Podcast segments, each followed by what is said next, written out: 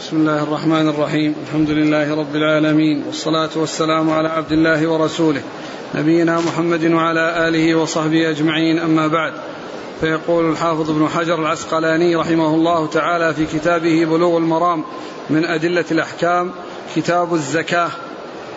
عن ابن عباس رضي الله عنهما أن النبي صلى الله عليه وعلى آله وسلم بعث معاذا رضي الله عنه إلى اليمن فذكر الحديث وفيه أن الله قد افترض عليهم صدقة في أموالهم تؤخذ من أغنيائهم فترد على فقرائهم متفق عليه واللفظ للبخاري.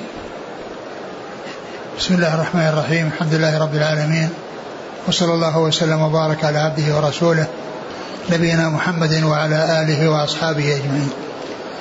أما بعد يقول الحافظ ابن حجر رحمه الله في كتاب بلوغ المرام كتاب الزكاة. الزكاة أحد أركان الإسلام الخمسة التي بني عليها هذا الدين الحنيف والتي بينها رسول الله صلى الله عليه وسلم بقوله بني الإسلام على خمس شهادة أن لا إله إلا الله وأن محمد رسول الله وإقام الصلاة وإيتاء الزكاة وحج البيت وصوم رمضان. فالزكاة هو أحد هي أحد هذه الأركان الخمسة التي جاءت في هذا الحديث وكذلك في حديث جبريل لما سأل النبي صلى الله عليه وسلم عن الإسلام فقال أن تشهد أن لا إله إلا الله وأن محمد رسول الله وتقيم الصلاة وتؤتي الزكاة وتصوم رمضان وتحج البيت إن استطعت إليه سبيلا. والزكاة هي من في اللغة من النماء. وهي تنمي المال وتزكيه وتزيد فيه وتكون سببا في زيادته. وكذلك أيضا تطهر آه تطهر المال وتطهر صاحبه و وهي حق فرضه الله عز وجل في أموال الأغنياء ليعطى للفقراء.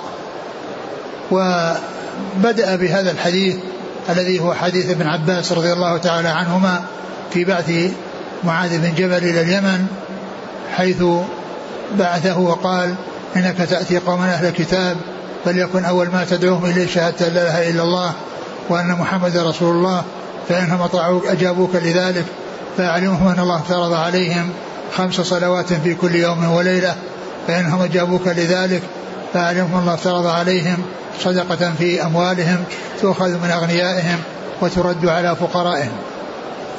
فإنما جابوك لذلك فإياك وكرائم أموالهم واتق دعوة المظلوم فإنه ليس بينها وبين الله حجاب.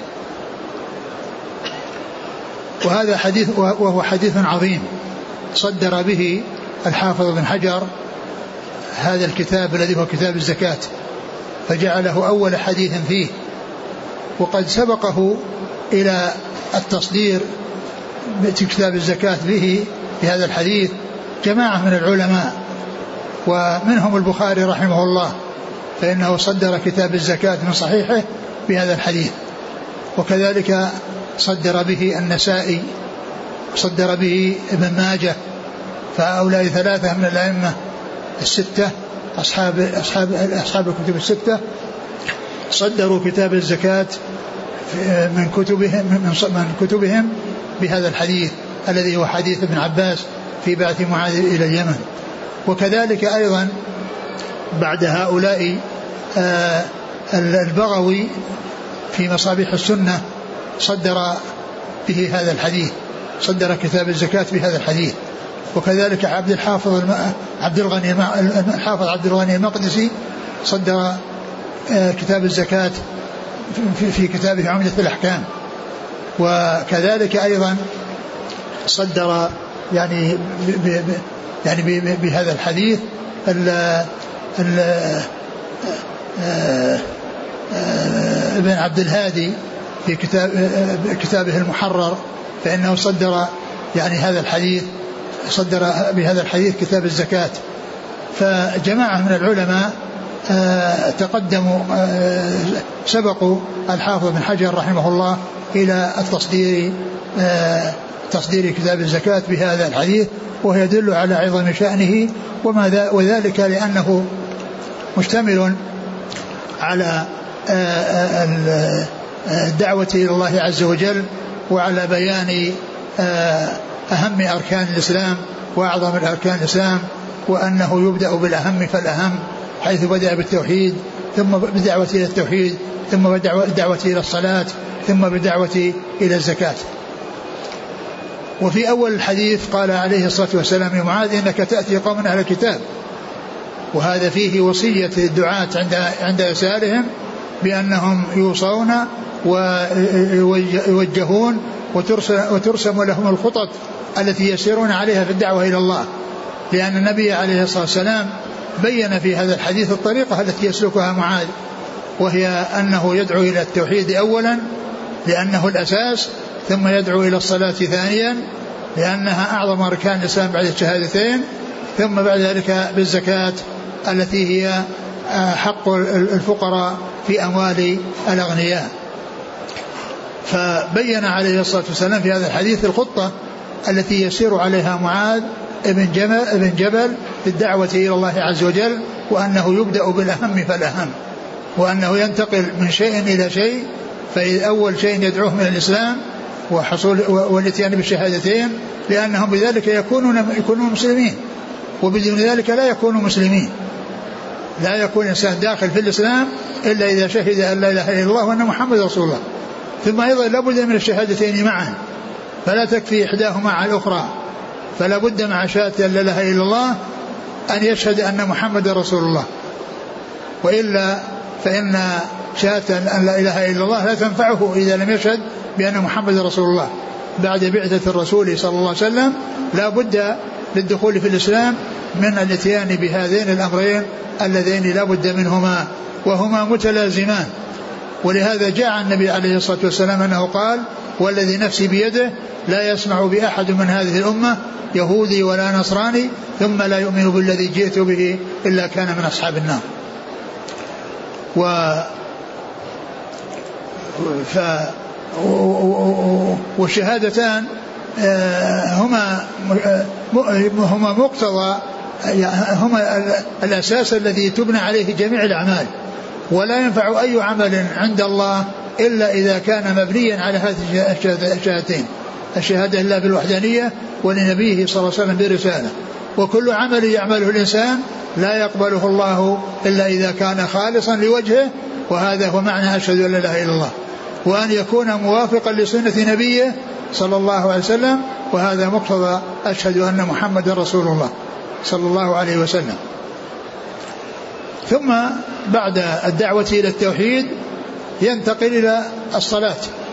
والصلاة عمود الإسلام وهي التي تنهى عن الفحشاء والمنكر وهي التي فرضها الله على نبيه وهو في السماء. لما عرج به إلى السماء فرض الله عليه الصلوات الخمس فشأنها عظيم وشأنها في الإسلام عظيم ولهذا يجب على كل مسلم أن يحافظ عليها وأن يحرص عليها وهي الحد الفاصل بين الإسلام والكفر. كما قال عليه الصلاة والسلام العهد الذي بيننا وبينهم الصلاة فمن تركها فقد كفر. ثم بعد ذلك يدعو إلى الزكاة. بعد ذلك يدعو إلى الزكاة والزكاة هي حق فرضه الله في أموال الأغنياء يعطى للفقراء. وهي سبب في نماء المال وكثرته ونمائه و آه، آه، فإذا فإذا أجابوا إلى الزكاة فإن العامل الذي آه، يأخذ منهم الزكاة لا يأخذ الكرائم وإنما يأخذ من أوساط المال لا يأخذ أجوده ولا رديئة. لأنه لو أخذ أجوده حصل إضرار بأصحاب الأموال ولو أخذ رديئه حصل إضرار بالفقراء الذين يعني تؤخذ لهم الزكاة وإنما من أوساط المال فلا يؤخذ منهم أجوده ولا يؤخذ منهم رديئه وإنما يؤخذ الوسط. ولهذا النبي عليه الصلاة والسلام قال إياك وكرائم أموالهم. يعني إذا استسلموا وانقادوا وأرادوا أن يدفعوا الزكاة فاحذر أن تأخذ كرائم أموالهم والكرائم هي النفيسة العزيزة عليهم التي لها منزلة في نفوسهم من جهة يعني نفاستها وحسنها ومن جهة قيمتها وكثرة آه، لحمها وشحمها فإن الإنسان لا يجوز له أي العامل أن يأخذ هذا المقدار أو هذا النوع إلا إذا رضي صاحب المال به فإنه يؤخذ. لأنه إذا جازت نفسه بالطيب يؤخذ من الطيب. ولكن كونه يلزم بأخذه فإن هذا ظلم. ولهذا الرسول عليه الصلاة والسلام لما حذر من أخذ الكرائم نبه على الظلم وعلى خطر الظلم. فقال واتق دعوة المظلوم. يعني أنك لو أخذت كرائم أموالهم تكون ظلمتهم والمظلوم يعني إذا دعا على من ظلمه قد يستجاب دعاؤه فيلحق الضرر بهذا الظالم. ولهذا قال أتى بجملة عامة فيها التحذير من الظلم وبيان آه، عاقبته الوخيمة فقال واتق دعوة المظلوم. وأتى به على سبيل العموم حتى يشمل الذي آه، السبب وغير السبب. ما قال واتق دعوة المظلوم الذي تأخذ منه آه، النفيسة وإنما أطلق حتى يشمل يعني السبب وغير السبب. وأن الظلم يتقى ويحرص كل إنسان على البعد عنه وأن لا يظلم أحدا آه، وأن من ظلم فله له أن يدعو على من ظلمه ودعوة المظلوم ليس بينه وبين الله حجاب يستجيب الله عز وجل لا و آه، آه، تجاب يجيب الله عز وجل دعوة المظلوم. إذن هذا حديث عظيم اشتمل على هذه الأسس التي هي أهم أركان الإسلام. ثم إن بعث معاذ إلى اليمن كان في السنة العاشرة في آخر حياة الرسول صلى الله عليه وسلم. ومع ذلك ما ولم يذكر فيه الصيام والحج مع أن الصيام والحج قد فرض من قبل. قد فرض من قبل.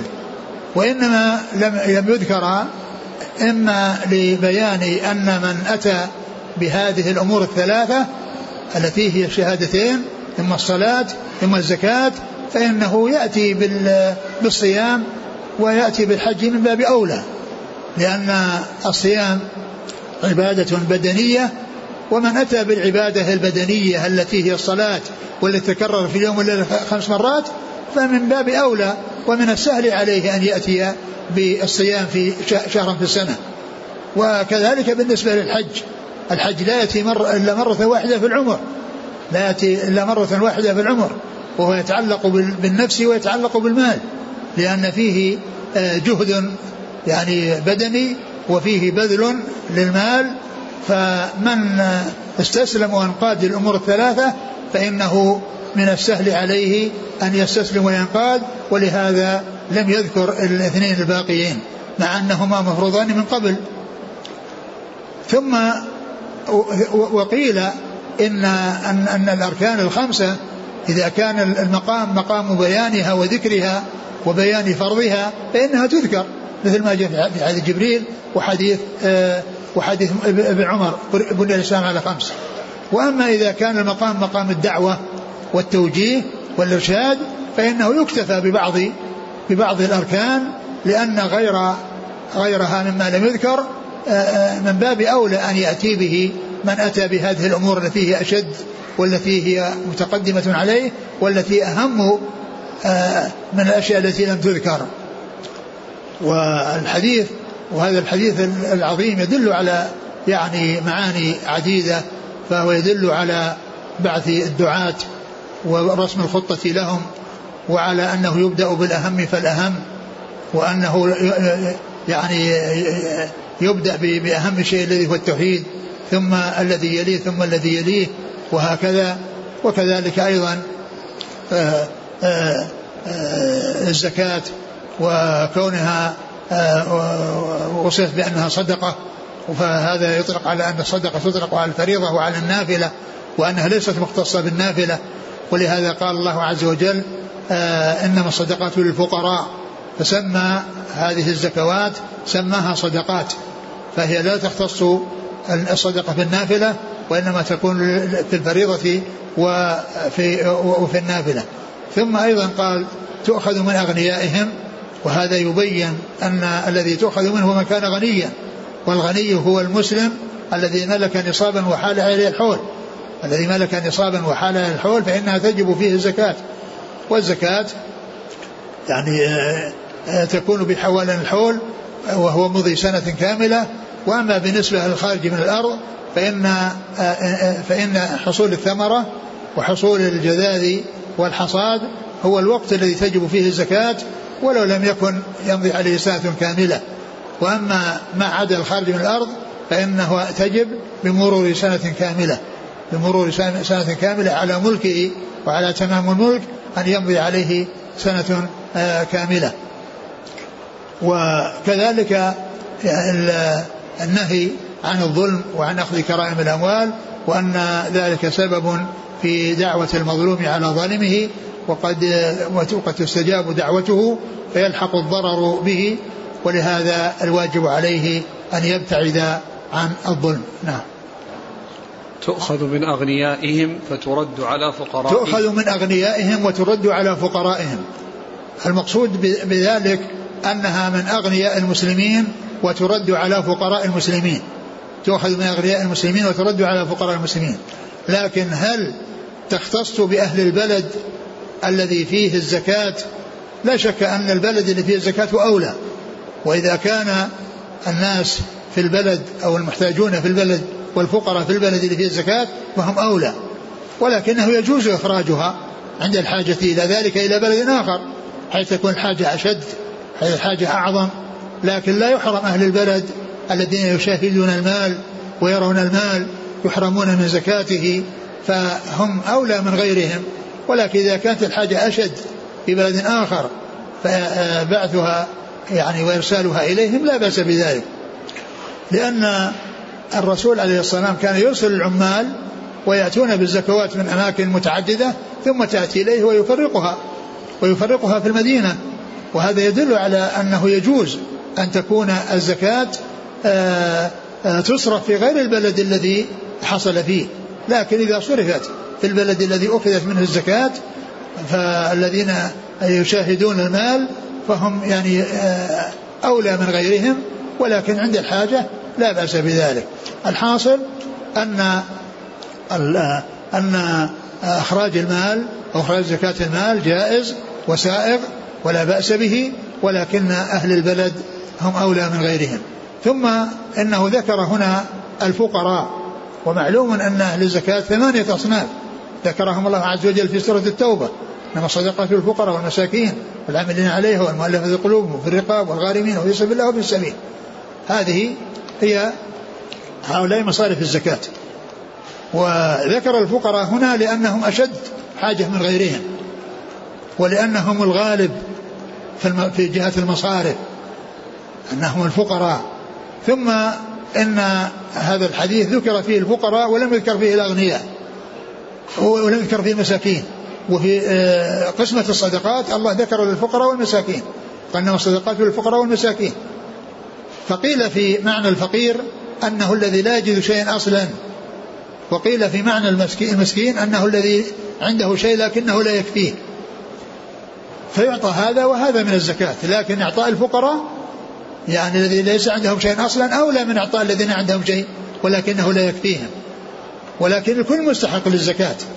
ولهذا يعني يعني جاء في هذا الحديث ذكر الفقراء ولم ينص على المساكين مع أنه نص عليهم في آية التوبة ولأنهم أشد حاجة من غيرهم ثم أيضا هم داخلون في جملة الفقراء عند الإطلاق. لأن اللفظ الفقراء والمساكين من الألفاظ التي إذا جمع بينها في الذكر فرق بينها بالمعنى. وإذا انفرد أحدهما شمل المعاني كلها. فالفقير عندما يذكر كما في هذا الحديث يعني يشمل من كان ليس عنده شيء أو عنده شيء لا يكفيه. كل ذلك يدخلون تحت كلمة الفقير. وكذلك المسكين إذا جاء يعني يدخل تحته من كان عنده شيء يكفيه ومن ليس عنده شيء أصلا. فيقال في هذين الكلمتين إنهما من الألفاظ التي إذا جمع بينهما في الذكر فرق بينهما بالمعنى.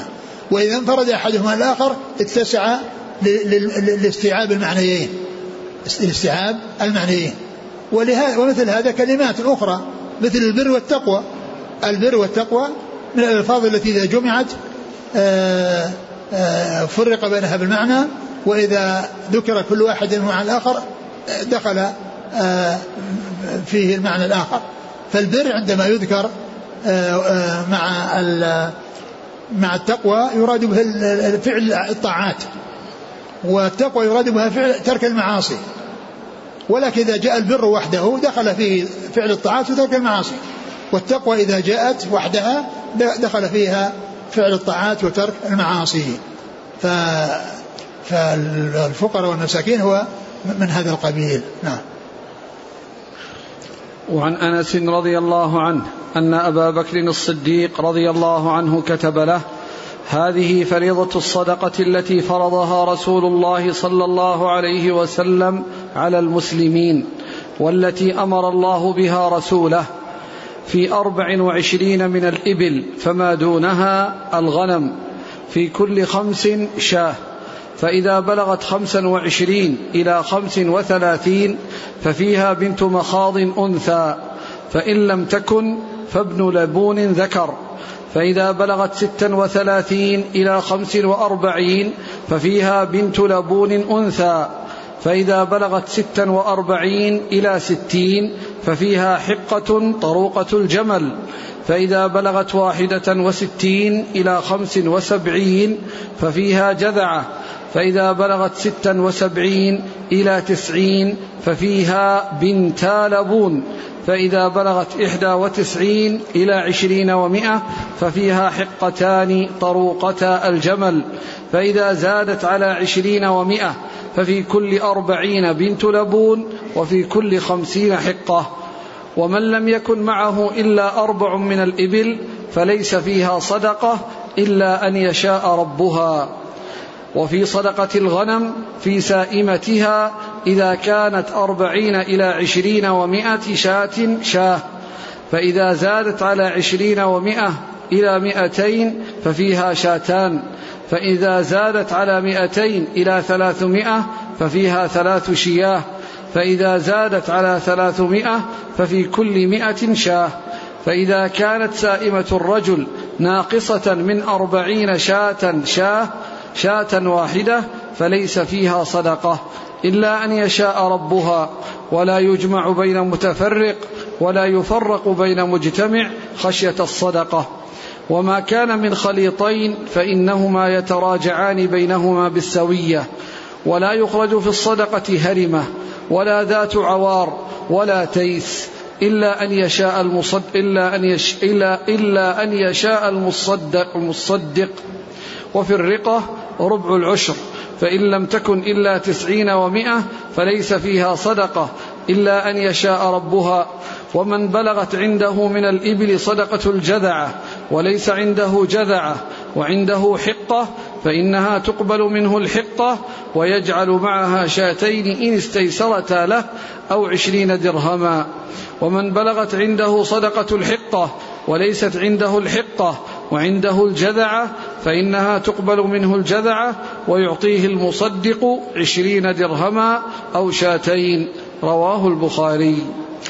ثم ذكر هذا الحديث عن عن أنس بن مالك رضي الله عنه في الكتاب الذي كتبه له أبو بكر عندما أرسله عاملا إلى البحرين آه، آه، كتب له بهذا الكتاب الذي آه، جاء فيه بيان مقادير الزكاة مقادير الزكاة من الإبل والغنم وبيان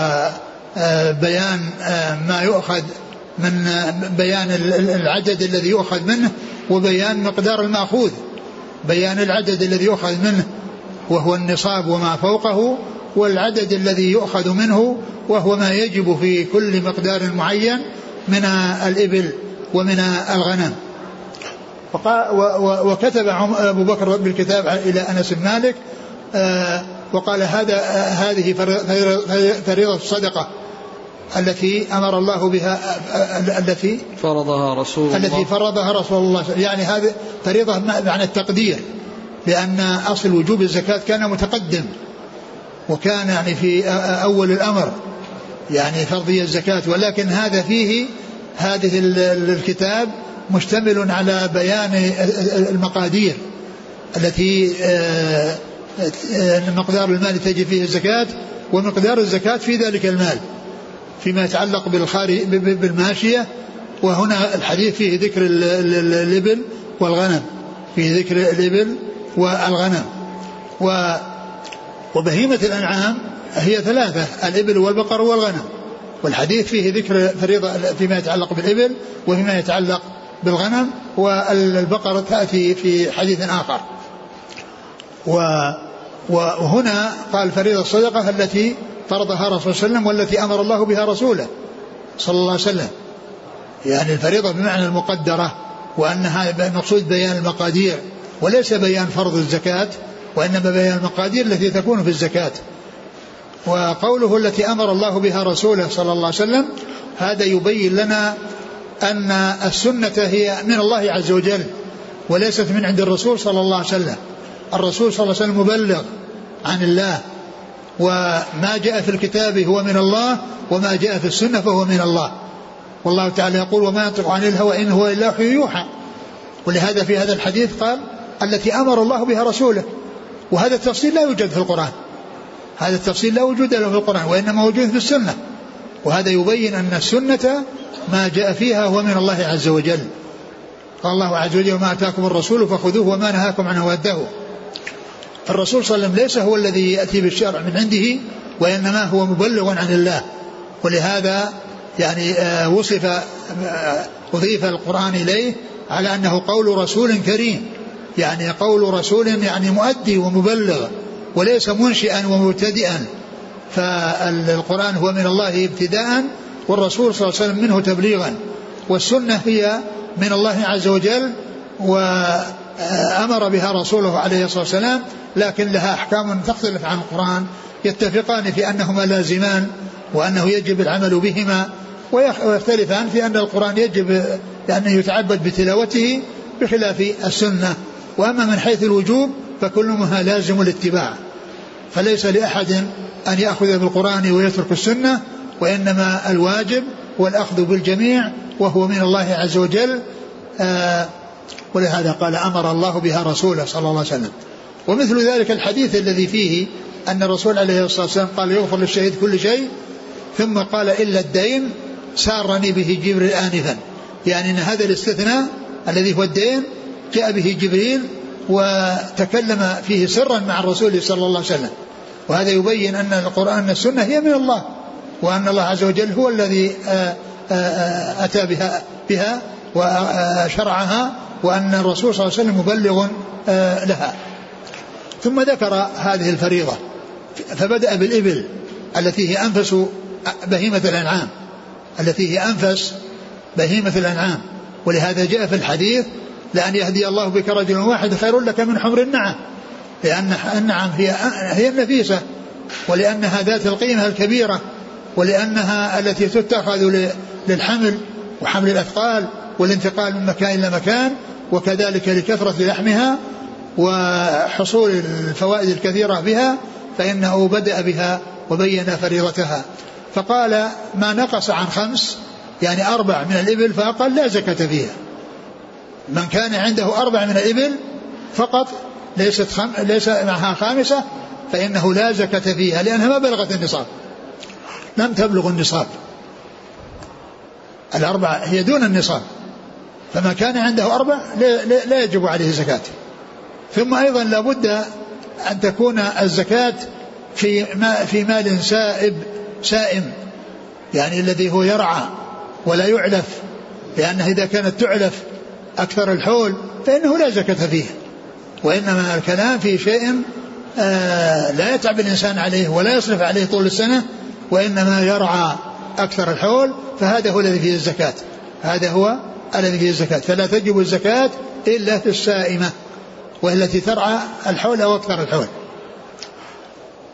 فما دون الأربع ما الأربع فما دون لا زكاة فإذا بلغت خمسة بلغت النصاب الذي يزكى.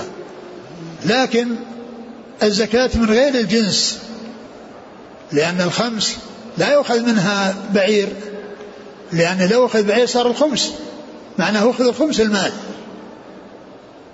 خمس المال. ولكن يؤخذ من غير جنسه مما يكون دونه بأن يؤخذ يكون الخمس فيها شاة. لأنها من جنسها لأن هذا فيه آآ آآ في فرض أو أخذ الشاة على الخمس فائدة وهي أن الغني لا يؤخذ منه شيئا من من من ماله الذي هو من الإبل لأنه قليل ولا يحرم الفقراء من آه، زكاة هذا المقدار. فجاءت الشريعة على وجه فيه آه، الإحسان للفقير وعدم الإضرار بالغني لأنه لو أخذ من الغني آه، من الإبل وهي خمس يعني معناه صار مضرة عليه ولو لم يؤخذ من شيء الفقراء ما حصل لهم شيء. لكن جاء جاءت الشريعة بأنه يؤخذ من جنس آخر الذي هو الغنم والتي هي دون الإبل إلى أربع وعشرين في كل خمس شاة إذا صار فيها إذا إذا صار من من خمس إلى تسع ما في إلا شاة ومن عشر إلى أربعة عشر ما في في شاتين ومن خمسة عشر إلى تسعة عشر في ثلاث أيام ومن آه، آه، عشرين إلى آه، إلى أربعة وعشرين يعني في فيها خمس أيام فإذا زادت في أربع أشياء فإذا زادت فإذا بلغت 25 انتقل إلى النوع. إذا أربع مرات يؤخذ من الغنم. إذا كانت خمس إذا كانت عشر وإذا كانت خمسة عشر وإذا كانت عشرين إلى أربع وعشرين. هذا كله يؤخذ غنم أربع شياه على العشرين إلى أربع وعشرين. فإذا زادت واحدة وصارت خمس وعشرين بدأ عند ذلك يخرج من جنسها. فيؤخذ بنت مخاض. بنت مخاض أنثى وهي التي مضى عليها سنة ودخلت في السنة الثانية. دخلت في السنة الثانية هذه زكاة 25 هذه زكاة الخمس وعشرين. وقيل لها بنت مخاض لأن أمها يعني صارت حاملا يعني حملت أمها. فيعني آه آه, آه، فيؤخذ بنت مخاض مضى عليها سنة ودخلت السنة الثانية. وإن لم يعني وهذا من من 25 إلى إلى 35 من 25 إلى 35 بنت مخاض. فإن لم يكن فابن لبون ذكر. ابن ابن لبون ذكر يعني سن الذي دخل في السنة أكمل الثانية ودخل في الثالثة. الذي أكمل الثانية ودخل الثالثة. يعني وذلك أن الإناث آه، مفضلة لأنها تنتج ولأنه يحصل لها إنتاج. ولهذا يعني يؤخذ تؤخذ الأنثى وإذا لم يجد الأنثى فإنه يؤخذ منه ابن لبون الذكر. ابن لبون الذكر لأن أكبر سن ويعني فيكون أكبر من ناحية اللحم ومن ناحية يعني هذا ولكنه ولكنه من ناحية الفائدة الكبيرة لكونه يعني أهل للإنتاج إنما جعل في الف... إنما قدمت الإناث لأنها يحصل فيها الإنتاج ويحصل فيها الولادة. بخلاف الذكور فإنها يعني آه، آه، بخلاف ذلك ولهذا جعل الذكر بدل, بدل الذكر الذي في سن كبير بدل الأنثى التي في سن صغير. فإذا بلغ الست وثلاثين عند ذلك يعني من ست وثلاثين يعني إلى إلى إلى خمس وأربعين إلى خمس وأربعين فيها بنت لبون. أنثى بنت لبون. من ست وثلاثين إلى خمس, وأربعين. ثم إذا بلغت ست وأربعين يكون فيها حقة والحقة هي التي أكملت ثلاث سنوات ودخلت في الرابعة. أكملت ثلاث سنوات ودخلت في الرابعة. وقيل حقة لأنها يعني آه، مستحقة لأن يحمل عليها ومستحقة لأن يطرقها الجمل لأن يطرقها الجمل. ولهذا قال طروقة الجمل يعني أن من شأنها أن يطرقها. سواء طرقت أو لم تطرق. ولكن المقصود التي دخلت أكملت الثالثة ودخلت السنة الرابعة. ودخلت السنة الرابعة. آه فإذا بلغ الست, ست وأربعين عند ذلك يعني من 46 آه إلى 60 من 46 إلى 60 من 46 إلى 60 هذه هي التي يكون فيها آه، حقة. لأنه من من من 25 إلى 35 هذه بنت لبون. أو ابن لبون ذكر. بنت مخاض ها؟ بنت مخاض نعم وإذا أو من 35 إلى خمس وأر... إلى خمس وأربعين من ست وثلاثين. إلى ست... إلى خمس وأربعين هذه فيها بنت لبون. هذه بنت لبون. ثم من ست أربعين. ست وأربعين إلى ستين. إلى ستين فيها حقة. فيها حقة. يعني من من من 46 إلى 60 فيها حقة التي هي طرقة الجمل. ثم من 61 إلى 75 فيها جذعة. والجذعة هي التي أكملت أربع سنوات ودخلت في الخامسة. وهذا هو أعلى سن يؤخذ في الزكاة. أعلى سن يؤخذ في الزكاة هو الجذعة التي أكملت الرابعة ودخلت الخامسة. فإذا زادت عن ست عن 35 عن 75 وصارت 76 إلى 90 فيها بنت لبون. عند ذلك يتكرر العدد الذي الذي جاء عند عند من من 35 إلى إلى من 36 إلى إلى إلى 45 يأتي مكرر يضاعف. فإذا زادت على آه، التسعين زادت على التسعين فإنه يؤخذ فيها آه، إلى إلى 120 يؤخذ فيها آه، حقتان. يؤخذ حقتان يعني يكرر العدد الرابع العدد الأخير الذي هو أعلى شيء في آه، حقه. هناك في اللي يكرر الجدع لا تكرر الذي يكرر هو بنت اللبون و والحقة. فيها بنت لبون يعني من 75 إلى من 76 إلى 90 بنت لبون ومن 91 إلى 120 فيها حقة يعني نعم حقتان. ثم إذا وصل زاد على 120 تستقر الفريضة فيكون في كل أربعين بنت لبون وفي كل خمسين آه، جاء في حقة. في كل أربعين تستقر الفريضة. فإذا صار مثلا 130 يصير فيها يعني آه، حقتان وبنت لبون. أربعين وأربعين ثلاثين يعني آه، يكون في كل آه، خمسين وخمسين خمسين يعني تستقر الفريضة فيكون في كل خمسين حقة. فيها بنت إذا صار 130 إذا صار 130 صار فيها بنت لبون. بنت بنت لبون وحقة. وحقة واحد نعم يعني بنت لبون 80 80 أربعين أربعين وخمسين. نعم. فإذا وكذلك إذا صارت وإذا بلغت مئة وأربعين صار فيها حقتان وبنت لبون. نعم. وإذا صارت مئة وخمسين صار فيها ثلاث حقاق. وإذا صارت مئة وستين صار فيها أربع بنات لبون. وهكذا. حتى إذا وصلت مئتين يستوي الفرض. فله أن يخرج آه، خمس بنات لبون أو أربع حقاق لأنها عند ذلك يلتقي وله أن يخرج هذا ويخرج هذا وهو الذي يسمونه في الحساب المضاعف المشترك المضاعف المشترك البسيط الذي يعني يلتقي عنده العددان وينقسم على عددين بدون باقي فإذا بلغت 200 صار صارت بهذا. وهكذا تستمر. كلنا في كل أربعين جذع بنت لبون وفي كل خمسين حقة إيش بعده؟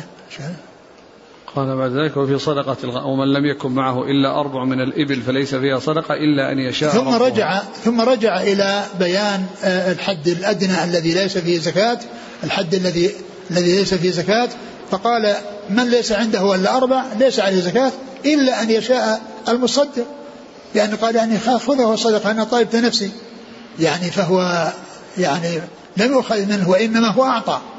الأخذ لا يجوز أن يؤخذ منه لأنه ظلم. ولكن صاحب المال إذا أعطى شيء يعني من ماله جادت به نفسه يقبل منه. ما يقال لا نقبله ولكن لا يؤخذ منه. ولكن إذا أعطى فإنه يقبل منه. قال لا يشاء ربها. يعني لو أراد أن يخرج يعني زكاة للأربع نعم يؤخذ منه. أما كونه يطلب لا يطالب به لأن ذلك ظلم له. نعم. وفي صدقة الغنم في سائمتها إذا كانت أربعين إلى عشرين ومائة شاة شاة. ثم ذكر زكاة الغنم والنصاب أربعين. النصاب هو مقداره أربعون. فإذا كانت تسعة وثلاثين ليس فيها زكاة لأنها ما بلغت النصاب. وإذا بلغت أربعين إلى مئة وعشرين كلها ما فيها إلا شاة واحدة. لأن هذا وقص من الأربعين إلى وعشرين كل ما فيه إلا واحدة. فإذا زادت واحدة صار فيها شاتان صارت 121 فيصير فيها شاتان إلى كذلك إلى 200 كذلك يعني فكذلك إلى إلى 200 فإذا زادت على ذلك يعني وصلت يعني 300 ففيها ثلاث شياه. ثم في كل 100 شاة. يعني معناها الأربعمائة فيها أربع والخمسمائة فيها خمس والستمائة فيها ست وهكذا.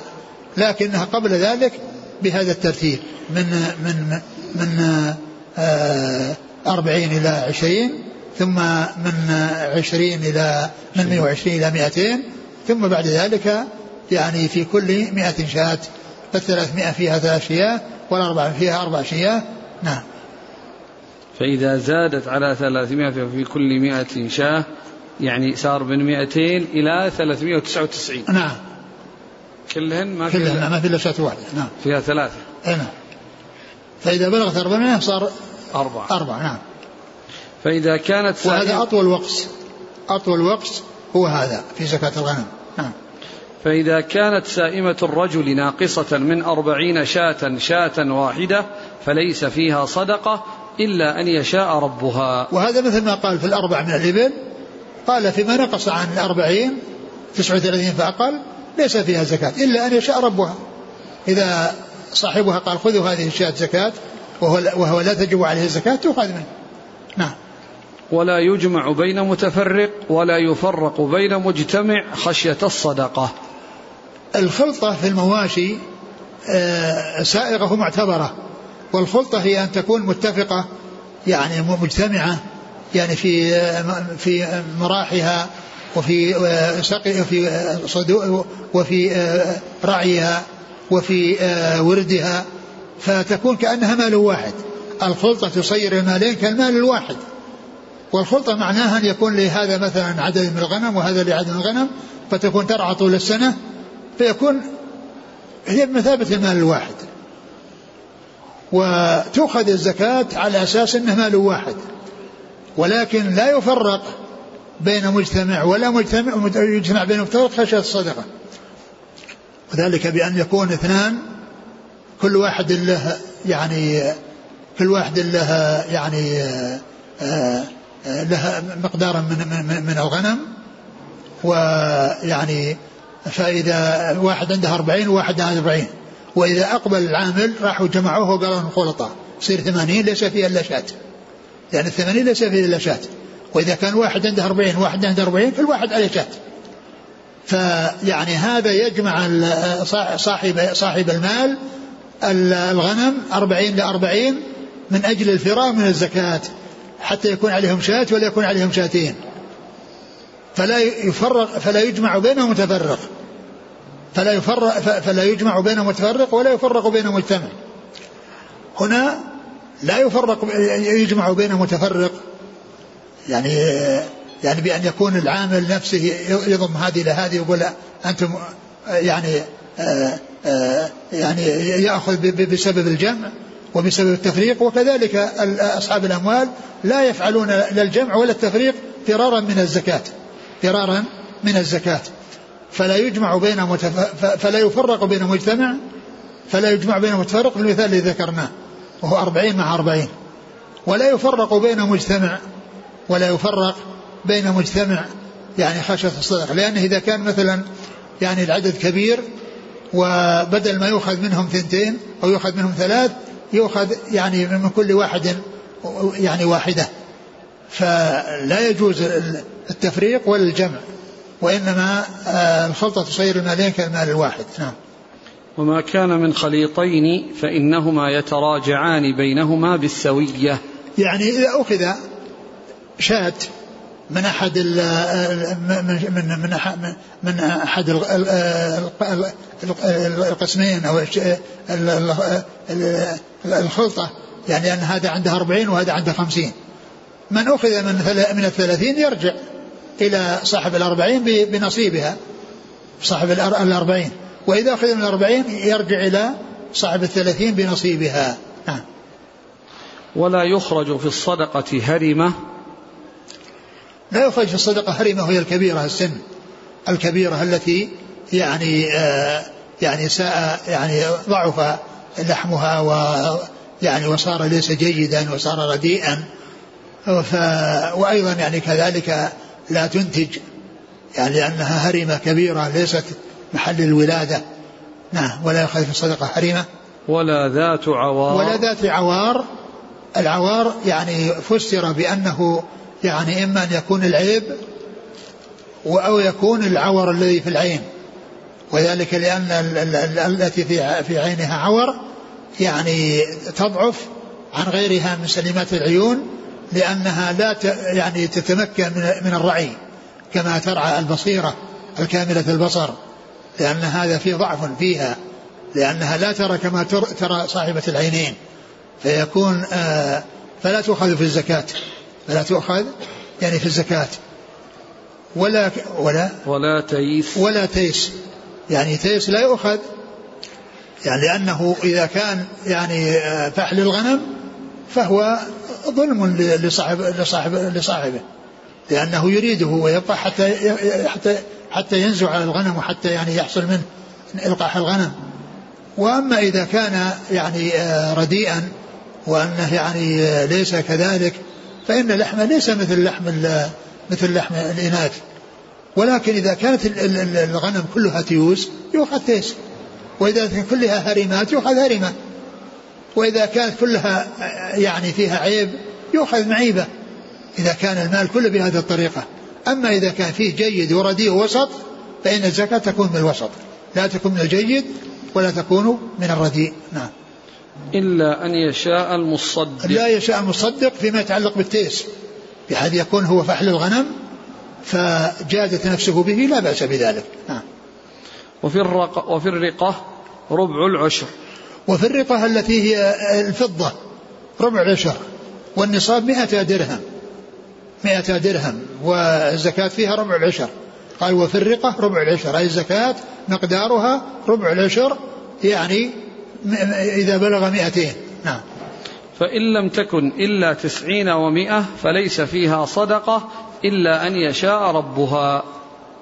المئتين إذا نقصت يعني درهم واحد فإنها لا زكاة فيها. إذا صار 199 لا زكاة فيها لأنها ما بلغت المئتين. وإنما ذكر التسعين ليس له مفهوم أن أن يعني أن أن أن ما زاد على التسعين أنه يعني فيه زكاة إلى مئتين. وإنما المقصود هنا ذكر العقد لأنهم يذكرون العقود والعقود هي التسعين والثمانين والسبعين والخمسين والستين وهكذا هذه العقود. فهو ذكر العقد آخر عقد دون العقد الذي فيه وجوب الزكاة اللي هو المئتين. آخر عقد قبل المئتين هو عقد 190 ولهذا ذكره. وليس معنى ذلك أن ما زاد على التسعين يكون فيه زكاة. يكون فيه زكاة وإنما الزكاة تكون في المئتين تامة. فيعني آه يعني آه آه هذا الذي الذي فوق التسعين يعني آه ودون المئتين هو مثل التسعين.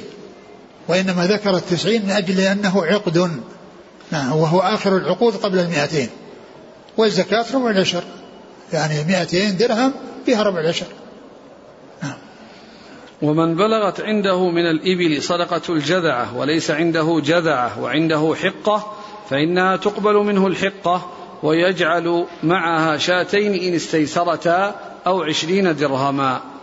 يعني من كانت عليه جذعة وهي التي أكملت أربع سنين دخلت في الخامسة وليس عنده إلا حقة فإنها تؤخذ منه الحقة ويضيف إليها شاتين إن استيسرتا وإلا عشرين درهما.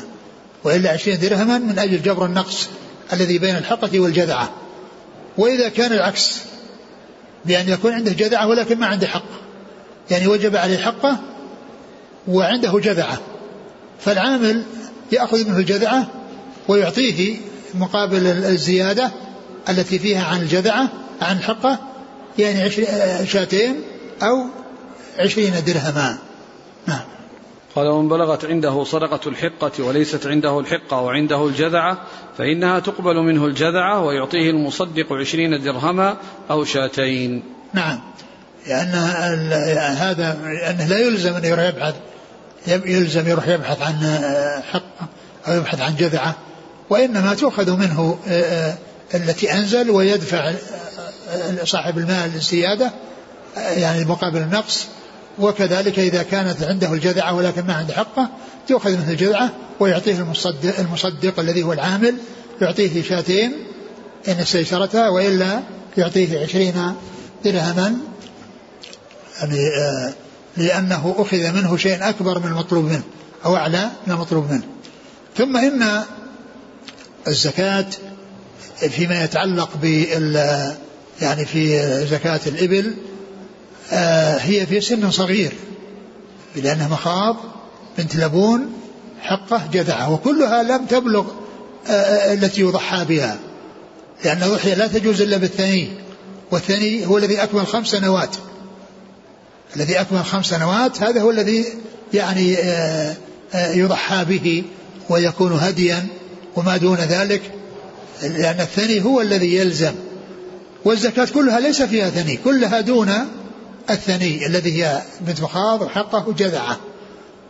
وذلك لأن أخذها وهي صغيرة يعني فيها تنمية لها ينمونها وتولد ويعني بخلاف الكبيرة التي يعني لا يحصل فيها مثل يعني مثل هذا الشيء. ولهذا صارت الزكاة كلها في سن متوسط يعني في سن متوسط وغالبه الحقة وبنت اللبون التي هي يعني دون الجذعة وفوق آه، بنت المخاض. نعم. أحسن الله إليك. اللي في الأول كتب له إيش سبب الكتابة؟ يعني كتب له يبين آه، الذي بينه الرسول صلى الله عليه وسلم. كان أمير له ولا؟ لا هو أرسل عامل على البحرين. أنس. أنس نعم. عامل لأبي بكر. أي نعم. انتهى؟ نعم الحديث اللي بعده. والله تعالى أعلم وصلى الله وسلم وبارك على رسول نبينا محمد وعلى آله وأصحابه أجمعين.